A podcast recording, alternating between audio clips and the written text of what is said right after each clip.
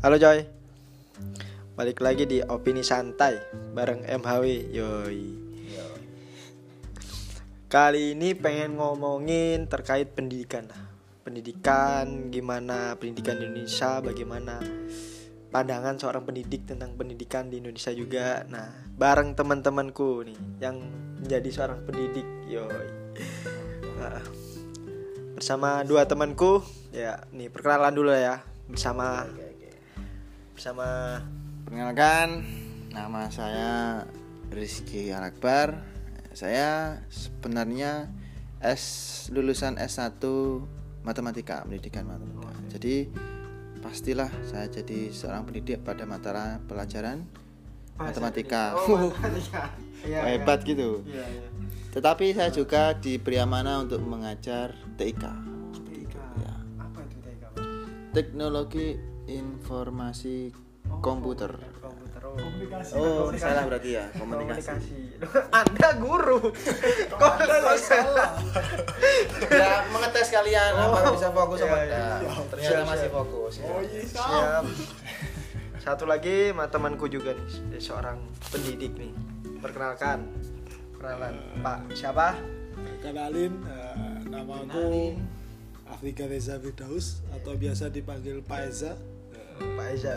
aja di salah satu SMP negeri di Kabupaten Lumajang Yoi. eh, yaitu ngajar mata pelajaran Cioka. atau pendidikan jasmani dan kesehatan Oh, O nya apa itu olahraga olahraga. Oh. kesehatan pendidikan jasmani Bukan, oh, oh my god, bukan. olahraga olahraga. dan kesehatan. Bukan oh siapa? oh iya dijelaskan Oh ya. Ya, dulu itu kayak zaman kita mungkin penyaskes lah ya. Ya, Nah, penyaskes. guru penyaskes. Nah. Oke. Kenapa Pak Akbar memilih mendidik sebagai ke pelajaran matematika gitu ya? Guru matematika lah. Gimana gimana? Kok bisa memilih itu? Oh, Pak Reza dulu, Pak Reza dulu. Pak Akbar tidak siap ternyata. Ya. Kenapa milih guru pen- Aku sih karena mungkin olahraga itu udah jadi apa ya passion lah minat dari dulu memang. Oh, iya, Jadi, iya. Mulai kecil udah yes bisa dibilang hobi lah. Hobi, oke. Hobi olahraga. Menggeluti hobi, olahraga, jadi Sejak eh, SMA itu aku eh, punya keinginan atau cita-cita itu kalau suatu saat hobiku itu bisa jadi pekerjaanku. Oh. Akhirnya eh, milih eh, universitas yang Pendidikan. ada eh, pendidikan olahraga olahraganya olahraganya, itu di Universitas Negeri Malang. iya iya. iya. Jadi karena passion hobi, hobi yang dibayar pengen gitu ya. Oke, lanjut ke Pak Akbar nih, Pak Akbar. Tadi kenapa Pak Akbar? anu ngempet Ngempet ya, ngempet. agak sakit perut Oh iya iya. ini gimana pertanyaannya pertanyaannya. Kenapa? Ketanya Pak Akbar nih. Hmm? yo. Kenapa kok memilih jadi pendidik gitu? Di Oh, pelajaran yang menjadi ibaratnya susah kan? yo. Eh, kalau dari saya ya udah lanjut. Kalau dari saya itu berhubung karena latar belakang dari keluarga saya itu seorang pendidik dari Mbah Kakung, Mbah Buyut, bahkan kedua orang tua saya itu guru. Guru. Jadi gimana pun caranya orang tua saya itu membekali saya memberikan arahan gimana pun caranya jadi seorang guru. Oh. Padahal dari pribadi saya sendiri menurut saya ini saya masih kurang minat ternyata untuk menjadi guru. Oh, jangan dong. Harus minat dong. Kan udah jadi guru. Oh, iya. Ya bismillah Bukan. saja. Mau bismillah harus mau. Iya. Berarti berdasarkan arahan orang tua Iya, lah. berdasarkan arahan orang tua.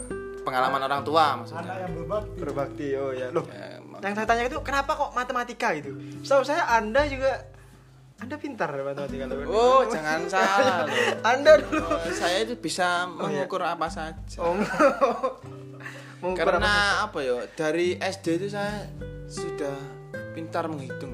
Kayak misal beli sesuatu mbak uang seribu gitu susuknya dua ribu nah gitu pintar pintar menghitung yang tidak sebenarnya Iya. Menghitung kembalian. Oh, Oke. Terus eh, oh iya, fokus fokus fokus. Ngomongin pendidikan sekarang sekarang gitu. Kalian kan mendidik nih. Nah, mendidik murid lah ngelihat murid-murid sekarang tuh gimana terus pendidikan di Indonesia tuh pandangan kalian tuh kayak gimana gitu dari Pak Pak Akbar dulu mungkin Pak Akbar dulu Pak- dulu. Pak Akbar. Kalau dari saya pendidikan zaman sekarang itu bukan merusak sih, kayak semakin menyulitkan untuk siswa maupun guru. Soalnya kan kalau dulu kan KTSP kan mudah, tinggal ceramah, eh, tinggal ceramah, murid mendengarkan, terus kalau tidak mendengarkan itu pasti ceramah di memberikan materi pidato, kultum. oh, kultum. Ya jelas materi lah. oh iya oh iya iya iya kecil iya saya kan tanya Pak Akbar terus Ya mau saya masih tanya, bukan materi yang diberikan. Iya, iya, iya. Terus kan kalau tidak didengarkan muridnya tinggal memarahi atau gimana. oh, kalau guru Kalau eh, kalau sekarang kan sistemnya yang ada kan kurikulum K13. Jadi semuanya itu diserahkan oleh murid. Jadi bukan tentang gurunya sekarang. Jadi gurunya tinggal membuat perangkat terus waktu-waktu ngajar diem. Nah, seperti itu. perangkat belajar Iya. Jadi kan apalagi saiki zamane anak-anak kan milenial oh anaknya milenial banget paling pol eh banget paling pol sekarang paling pol paling pol mana apa ya?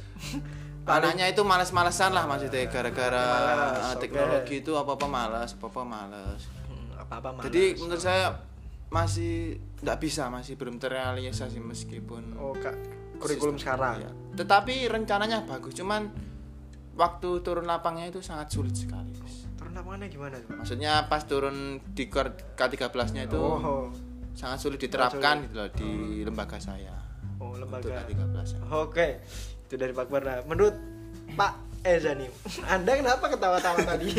Ya, emang ada yang salah emang ya dari Ya, Pak Akbar ya? kalau eh, menurut aku pribadi sih Ya, menurutmu gimana? eh, gimana ya? kalau pendidikan sekarang itu dibilang bagus ya nggak bagus. Dibilang kurang ya nggak kurang kurang amat. Istilahnya Tengah-tengah. lah. Pas-pas lah ya. Sedang-sedang saja. oh, sedang-sedang saja. Oh ya. Jadi ya masih banyak permasalahan-permasalahan yang apa ya yang masih perlu ditingkatkan misalkan kayak kualitas gurunya masih banyak guru-guru yang di daerah ya terpencil-terpencil itu kualitasnya masih kurang gitu terus kemudian kualitas anu apa ini gurunya SDM lah. SDM, SDM guru ya SDM gurunya kemudian maksudnya jumlahnya kuantitas atau Bukan. kualitas atau kualitas cara menyampaikan materinya mungkin oh itu kualitas gurunya sendiri. kualitas gurunya Iya. oh.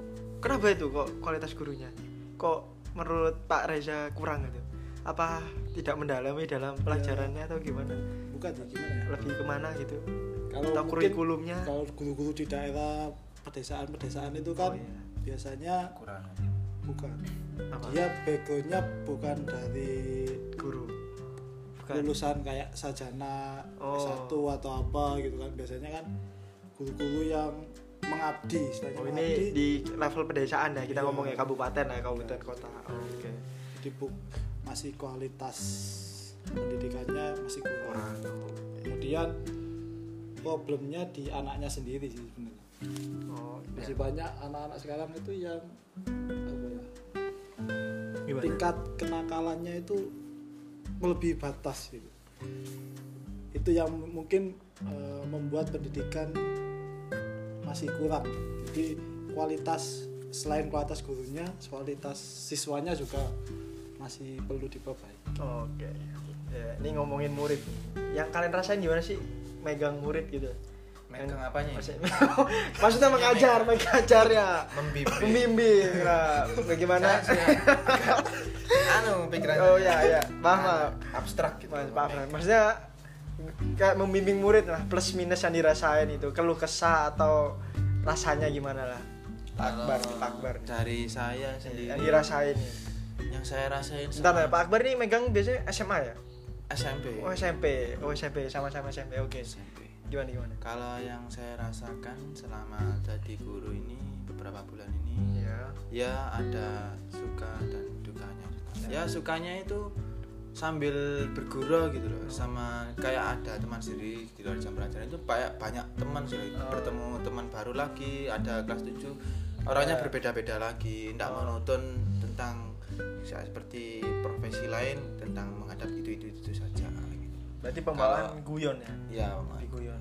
terus yang dukanya itu ya juga banyak sebenarnya Oh, kalau iya. dukanya. plus minus lah ya Iya, namanya juga minusnya itu. suatu kalau aminnya itu ya itu karakter dari siswanya ngomongin itu. senengnya deh senengnya. Yang paling disenengin apa kayak muridnya yang pinter? paling seneng itu ya Ya.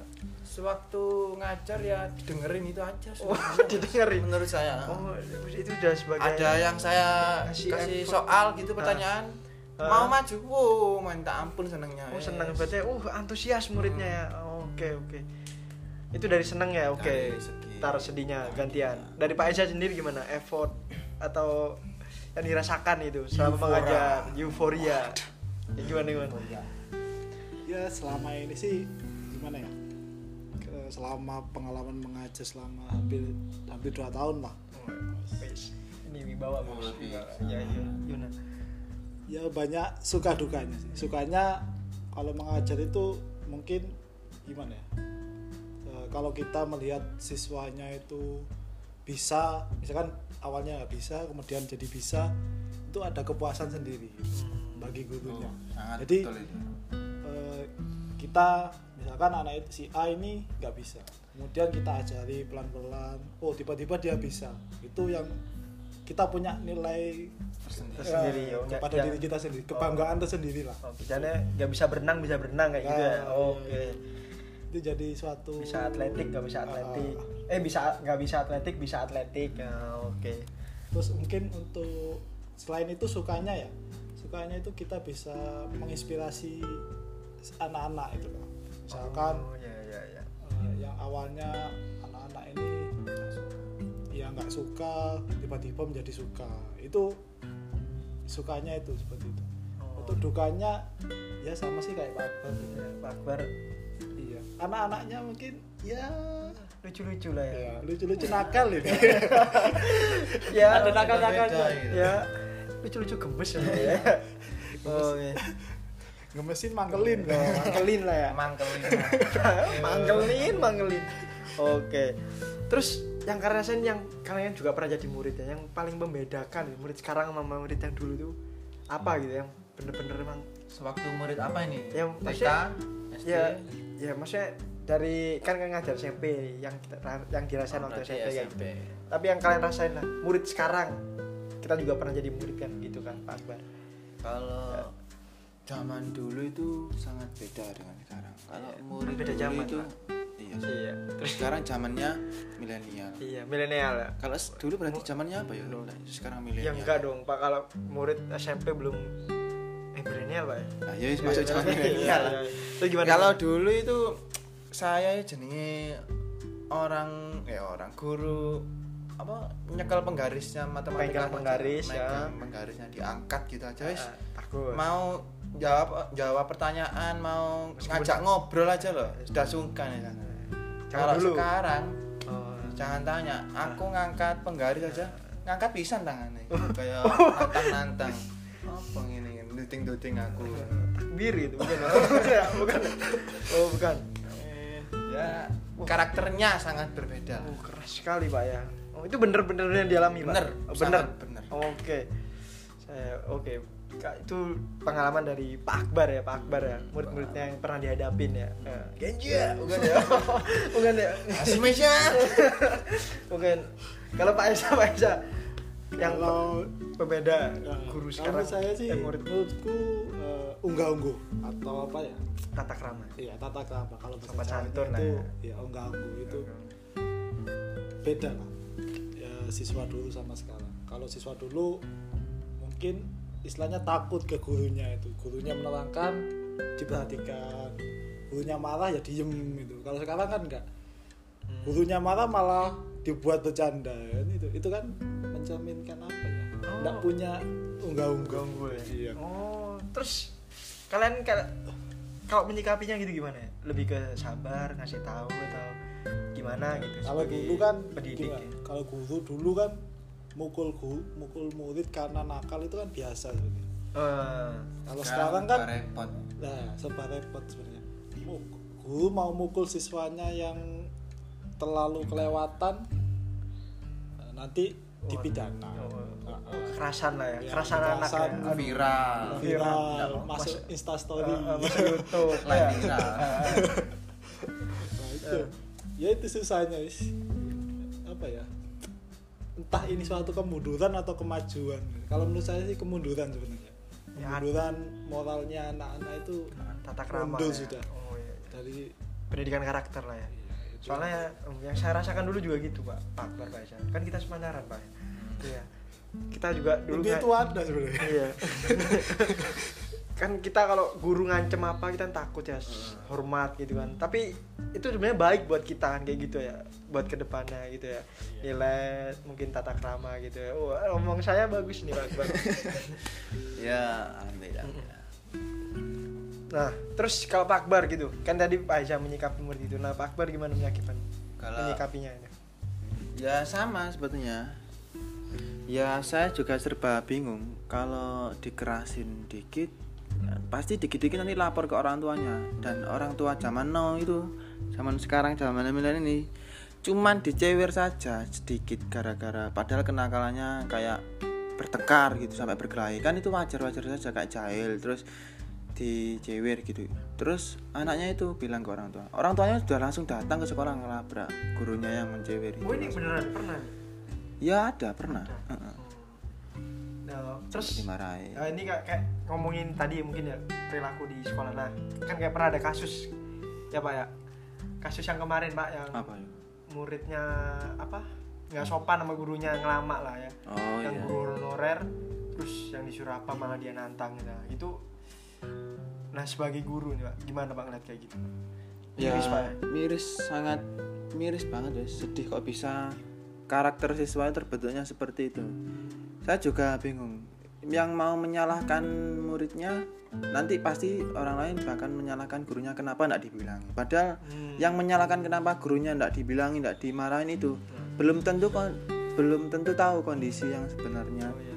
dari siswa tersebut itu perilakunya seperti apa. Kenapa seperti gitu? itu. Lah, ya. Nah, mungkin itu mungkin salah anaknya atau salah gimana Pak? ya? Kalau saya kan sebagai pendidik, jadi kalau menurut saya itu Kalau salah Isan, ya. dari anaknya sendiri, Salah dari anaknya. dia. nah. Oh, anaknya yang mungkin keterlaluan ya. Iya, betul sekali. Bukan gara-gara seorang pendidiknya. Guru iyalah. atau pendidik itu tidak mungkin membiarkan kayak seperti itu. memberikan kebodohan pada Iya. mungkin Pak ya. Pendidik adalah mendidik soalnya Pak. ya? Iya. Oh iya.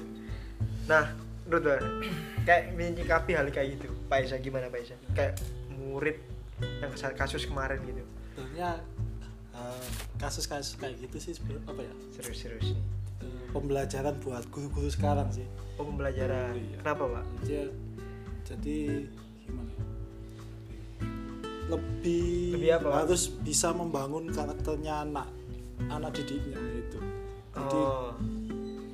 ya kita boleh sebenarnya serius tapi harus ada bercanda tapi bercandanya itu ya tidak boleh sampai kelewatan batas gitu loh jadi Hmm. harus ada sekat antara siswa dengan gurunya itu Ah. ya boleh kita menganggap siswa itu teman tapi harus ada sekat kalau misalkan kita menganggapnya teman murid itu kadang ngelunjak gitu biasanya itu Oh, berarti ngomong karakter guru juga ya? Iya, Bikin jadi- karakter ya? Gurunya harus dibangun dulu karakternya Ah. wibawanya guru harus dibentuk Hmm. baru kita bisa membangun karakter siswanya gitu. Oke. Nah, ini ngomong karakter. Nah, karakter kalau guru olahraga apa Pak yang dibangun biasanya? Nah, kayak Anda nih, eh, Pak Azza nih.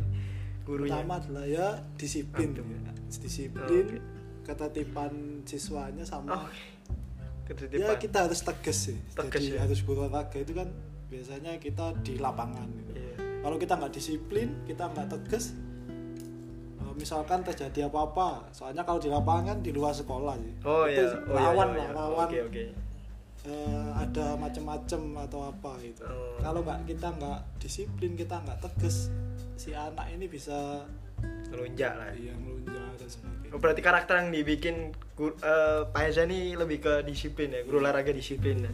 Nah, kalau anda nih Kenapa kalau dengan Nah, saya iya. langsung kita langsung Nah, main? karakter guru matematika misalnya galak kan identiknya galak terus serius eh seriusan lah. Kalau dari saya metode saya itu berbanding terbalik dengan guru normal. oh kenapa pak Kalau dari saya itu nggak perlu galak-galak kayaknya Nah, sepertinya. yang penting Yang penting segani. membuat seorang siswa itu suka dulu sama mata pelajaran Oke, matematika. gimana itu, Pak? Biar suka, Pak. Matematika, Pak. Ya pelajarannya digampang-gampangin dulu gitu.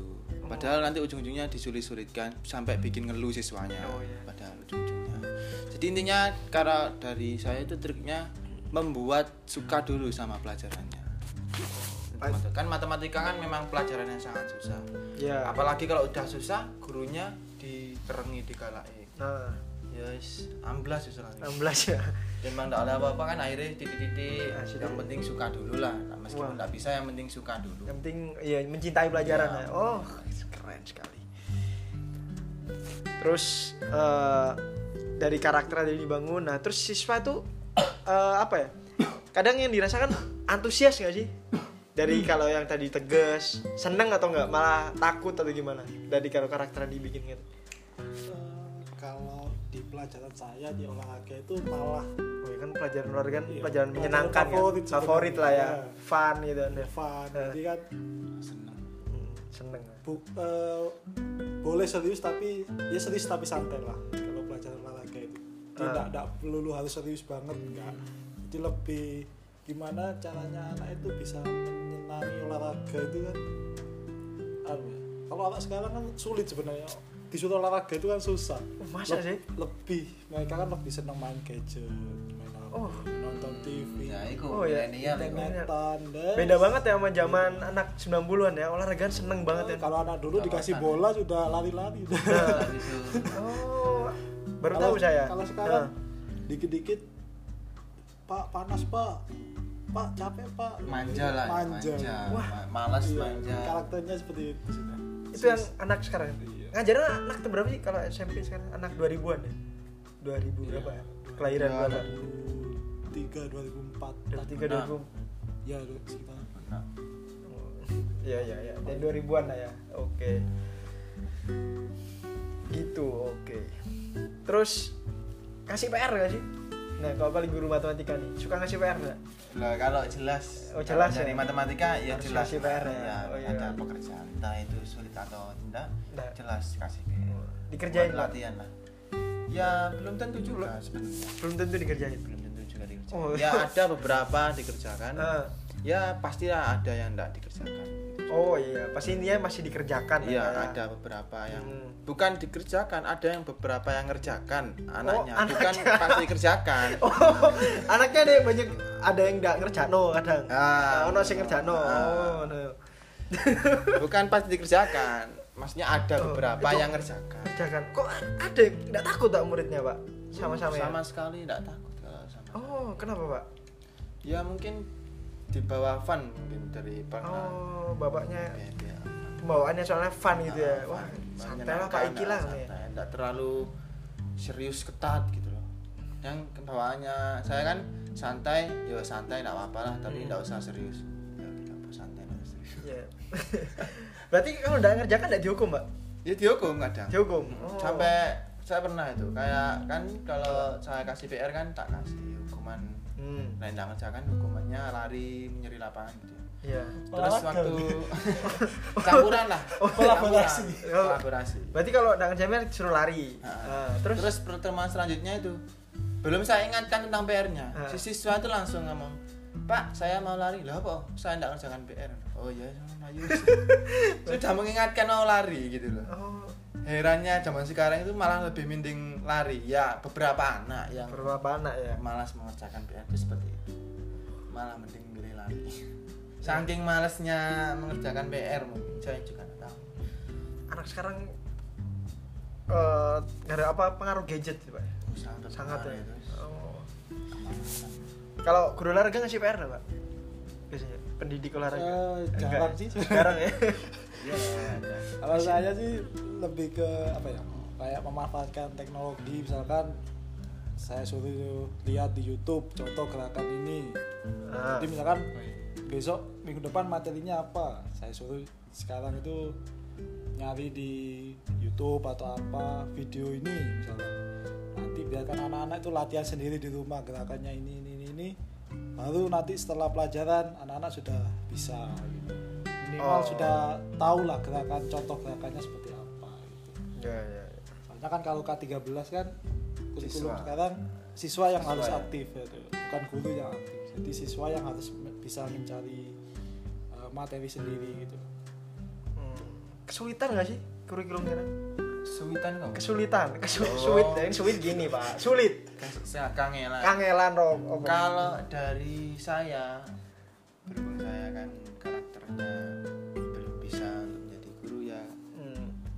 sangat Bisa dong, Pak. tersulit. Kesulitan, Pak, Sangat- kurikulum sangat merasa 13. tersulit. Sangat kesulitan. Apalagi referensinya itu hanya poin-poinnya saja. Hmm.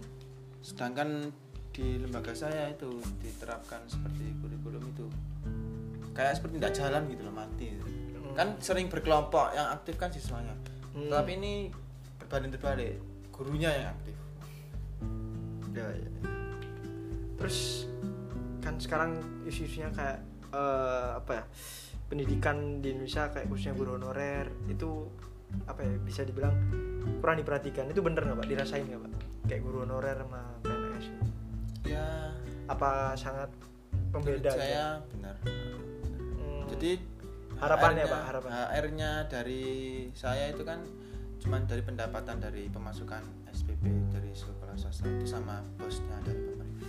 Dan oh. biasanya dengar-dengar itu dari bos itu belum tentu turunnya itu enggak teratur gitu loh. Jadi kan biasanya bosnya turun setiap berapa bulan gitu, belum tentu turun di bulan itu. Jadi diundur lagi dia. Iya. Terus eh, apa ya? Menurut menurutnya apa sih yang harus diperbaiki di pendidikan di Indonesia gitu? Apa ya? Dari Ya, Pak yang pertama mungkin ya, Yang dari dirasain. Pemerintahnya dulu ya mungkin kebijakan-kebijakannya itu harus jelas gitu loh maksudnya. Eh, kemudian kualitas kualitas dari entah itu gurunya itu harus ditingkatkan lagi. Misalkan kayak guru di daerah itu eh, mungkin kualitasnya kurang jadi harus hmm. di ada pelatihan mungkin untuk guru-guru itu terus kemudian pemerataan pendidikannya pemerataan gurunya itu loh biasanya kan ka- kasihan kadang di desa itu padahal muridnya banyak tapi gurunya sedikit itu kan yang jadi masalah sebenarnya Oh, soalnya kan kalau saya sendiri ya yang saya rasakan itu kan pendidikan di Indonesia membandingkan sama luar. Kayak di Indonesia tuh kayak monoton anak tuh harus didik harus berkompetisi untuk ujian gitu. ya. Bukan melihat karakter orang. Kayak Hmm. anak harus pinter matematika kayak gian iya mungkin pendidikan yang dirasakan harus pinter ya fisika kalau, kalau gitu di kan. Indonesia itu sih sebenarnya anak itu dalam tanda kutip dipaksa untuk menyenang mau apa ya bisa semua mata pelajaran gitu Menguasai. Menguasai. menguasai semua mata pelajaran tapi pada kenyataannya kan tidak semua siswa bisa bisa. menguasai mata semua mata pelajaran kan mungkin Eh, ada yang Salah satu. Iya, jadi mungkin ada dia yang minatnya di mata pelajaran A hmm. Atau mungkin ada yang hanya minatnya di mata pelajaran B. Ah, Nah, itu kan tidak bisa dipaksakan gitu soalnya kalau saya lihat kayak di negara berkembang tuh anak tuh dididik bukan berdasarkan harus bisa semua pelajaran tapi menguasai yang dia pelajari yang dia senangi terus dibentuk karakternya terus dia bisa memilih apa yang dia pengen untuk dibuat ke depannya buat dia buat dia kerja buat masa depannya mending kayak gitu gimana Pak? atau emang harus konstan gitu aja pendidikan Jadi kalau menurut saya sih? Anda ngomong anda ini oh, iya. saya sih, sih apa? Siswa itu nggak perlu dipaksa untuk misalkan eh, dia harus pandai mata pelajaran ini enggak. Jadi biarkan siswa itu memilih minatnya sendiri. Misalkan kalau dia minatnya di akademik ya apa ya?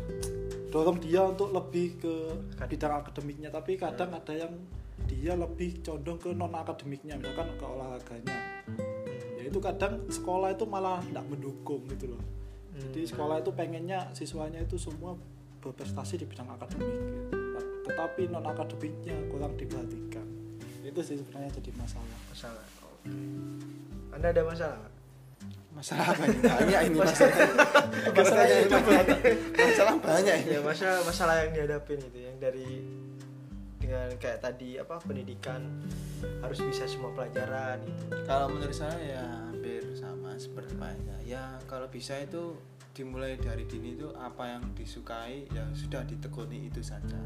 Jadi untuk ke depannya itu pasti dia itu sangat mahir dalam ahlinya. Jadi seorang seorang itu pasti ahli dalam bidangnya, belum tentu ahli di bidang lainnya. Jadi tidak perlu kayak misal Fokus lah ya Pak ya. terfokus dari satu bidang gitu. Jadi tidak perlu kayak misal dari SD sampai SMA itu kita mempelajari entah itu ada pelajaran fisika malah dicampur lagi sejarah, Oh. geografi lagi. Mungkin kalau ukuran S SD nggak apa-apa lah ya masih Ya kalau masih pelajari semua dasar. pelajaran Kan dasar SD gitu. itu kan intinya karakter, pembentukan karakter Mas yang di SD. nah Baru di- dimulai dari SMP itu lah mungkin ya. Diminatnya itu di bidang apa dulu? Oh gitu. Entah itu di IT jadi ya diperdalami terus. Entah itu ada pembelajaran khusus IT IT ya Ah, oh solusi nih pak ya? Oke. Menurut saya. Ini perlu ya jawab ini perlu nggak ada UN ujian nasional? Perlu nggak? Pak Reza? saya rasa sih masih perlu nggak sih pak? eh, gimana ya? Sebenarnya UN itu bukan jaminan untuk siswa itu bisa dikatakan pintar sih. Oh iya. Kan nggak harus melalui mat seperti yang bilang tadi kadang ada siswa yang dia condongnya di akademis atau di non akademis gitu. Hmm. kalau UN kan dia hanya semua pelajaran. di akademisnya saja kan. Oh, ada jadi ya, eh, padahal siswa berprestasi itu kan bukan dilihat dari hanya akademisnya itu. Kalau menurut saya sih ya kurang fair lah ya. Oh soalnya non akademisnya nggak dilihat. Ah, ah. oke. Berarti perlu nggak sebenarnya? Enggak nggak? Oke. nggak nggak perlu ya. Nah, kalau Pak Akbar lihatnya perlu nggak pak? Hmm, sama juga nggak perlu. Nggak perlu ya? Kenapa pak? Jangan ikut-ikut pak anda. Enggak memang kalau menurut saya enggak perlu. Ya kan masa sekolah tiga tahun hanya ditentukan untuk UN ya, satu, sat- ah, satu kali hari ya? kegiatan itu? Iya, satu kali UN, kegiatan. satu kegiatan. Sudah belajar seperti itu susah payah mulai dari nol mempelajari. Hmm. ternyata unnya anjlok kan juga bisa dikatakan waduh anak ini memang anjlok. hancur. Wis padahal dia nggak tahu Ber- mulai dari kelas 1 2 3 peringkat terus. Tetapi nggak tahu bermasalah di unnya itu. Hmm. kan kita nggak tahu. Jadi menurut saya ngapain ada UN? nggak perlu pak ya? Oh. Un. Sebenarnya penilaian itu lebih baik diberikan ke guru. Maksudnya guru yang menilai siswa itu layak untuk lulus apa enggak. Bukan dari nilai UN-nya itu sih. Oh karena guru kan dia yang berinteraksi setiap hari ke- sama. siswanya kan. Jadi dia paham mungkin oh anak ini dia eh, pandai di bidang ini pandai di bidang ini. Kan gurunya yang paham gitu kan. Oh Jadi, yang harus memberikan nilai guru harusnya. iya jadi yang harus menentukan lulus atau enggak itu Enggak. malah harusnya gurunya. Iya. bukan UN dari itu. Oh iya, iya. berarti dia nggak nggak setuju ya adanya UN kurang betul buang-buang anggaran kayak gitu kali ya? Oh, soalnya yang menentukan juga sebenarnya kurang efektif. Kurang, yang kurang efektif lah ya. Oke. Oke terakhir nih. Mungkin harapan nih buat murid-murid zaman sekarang. Terus guru untuk kesejahteraan gimana harapannya? Terus juga tentang dunia pendidikan harapannya Pak Akbar dulu.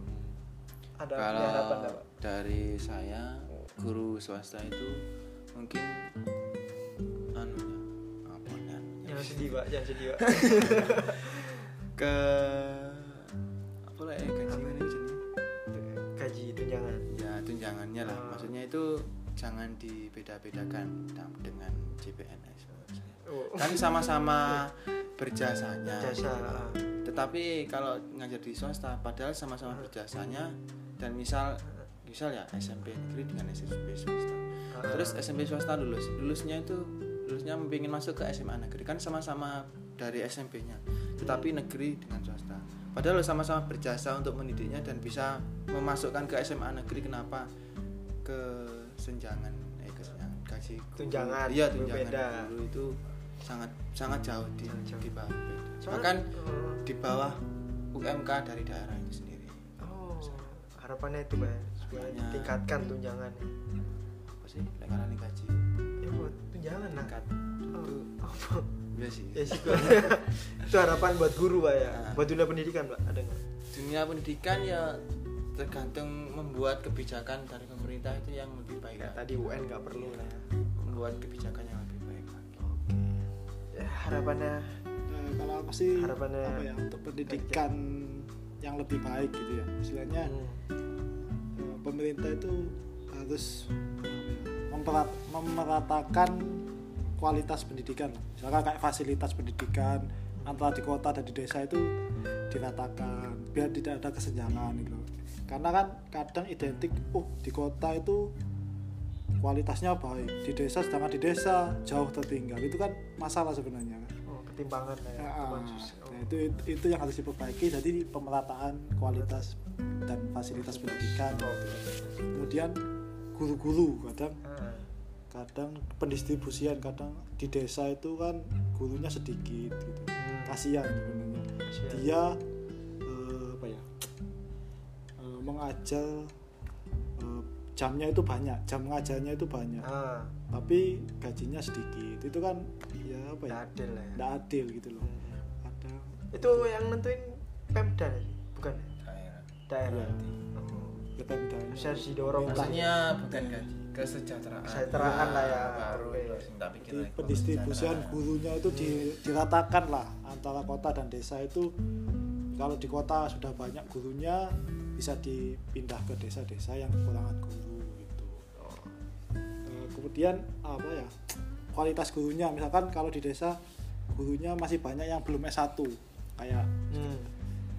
sekarang kan eh, kalau guru-guru zaman dulu itu kan D3 itu Ya. sudah bisa jadi guru D2 Ah. jadi kan guru-guru yang sudah tua-tua itu atau yang mungkin masih belum S1 disetara disekolahkan lagi jadi di S1 jadi kualifikasi gurunya itu disetarakan lah. sekolahin lah ya gurunya maksudnya Di- dikasih tunjangan buat biar sekolah lagi oh oke mungkin itu podcast opini santai.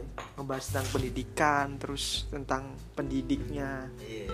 Terus ngelihat eh, fenomena murid sekarang juga. Nah mungkin itu opini santai episode ini. Mungkin kalau ada kekurangan mohon maaf ya. Oke. Salam. Assalamualaikum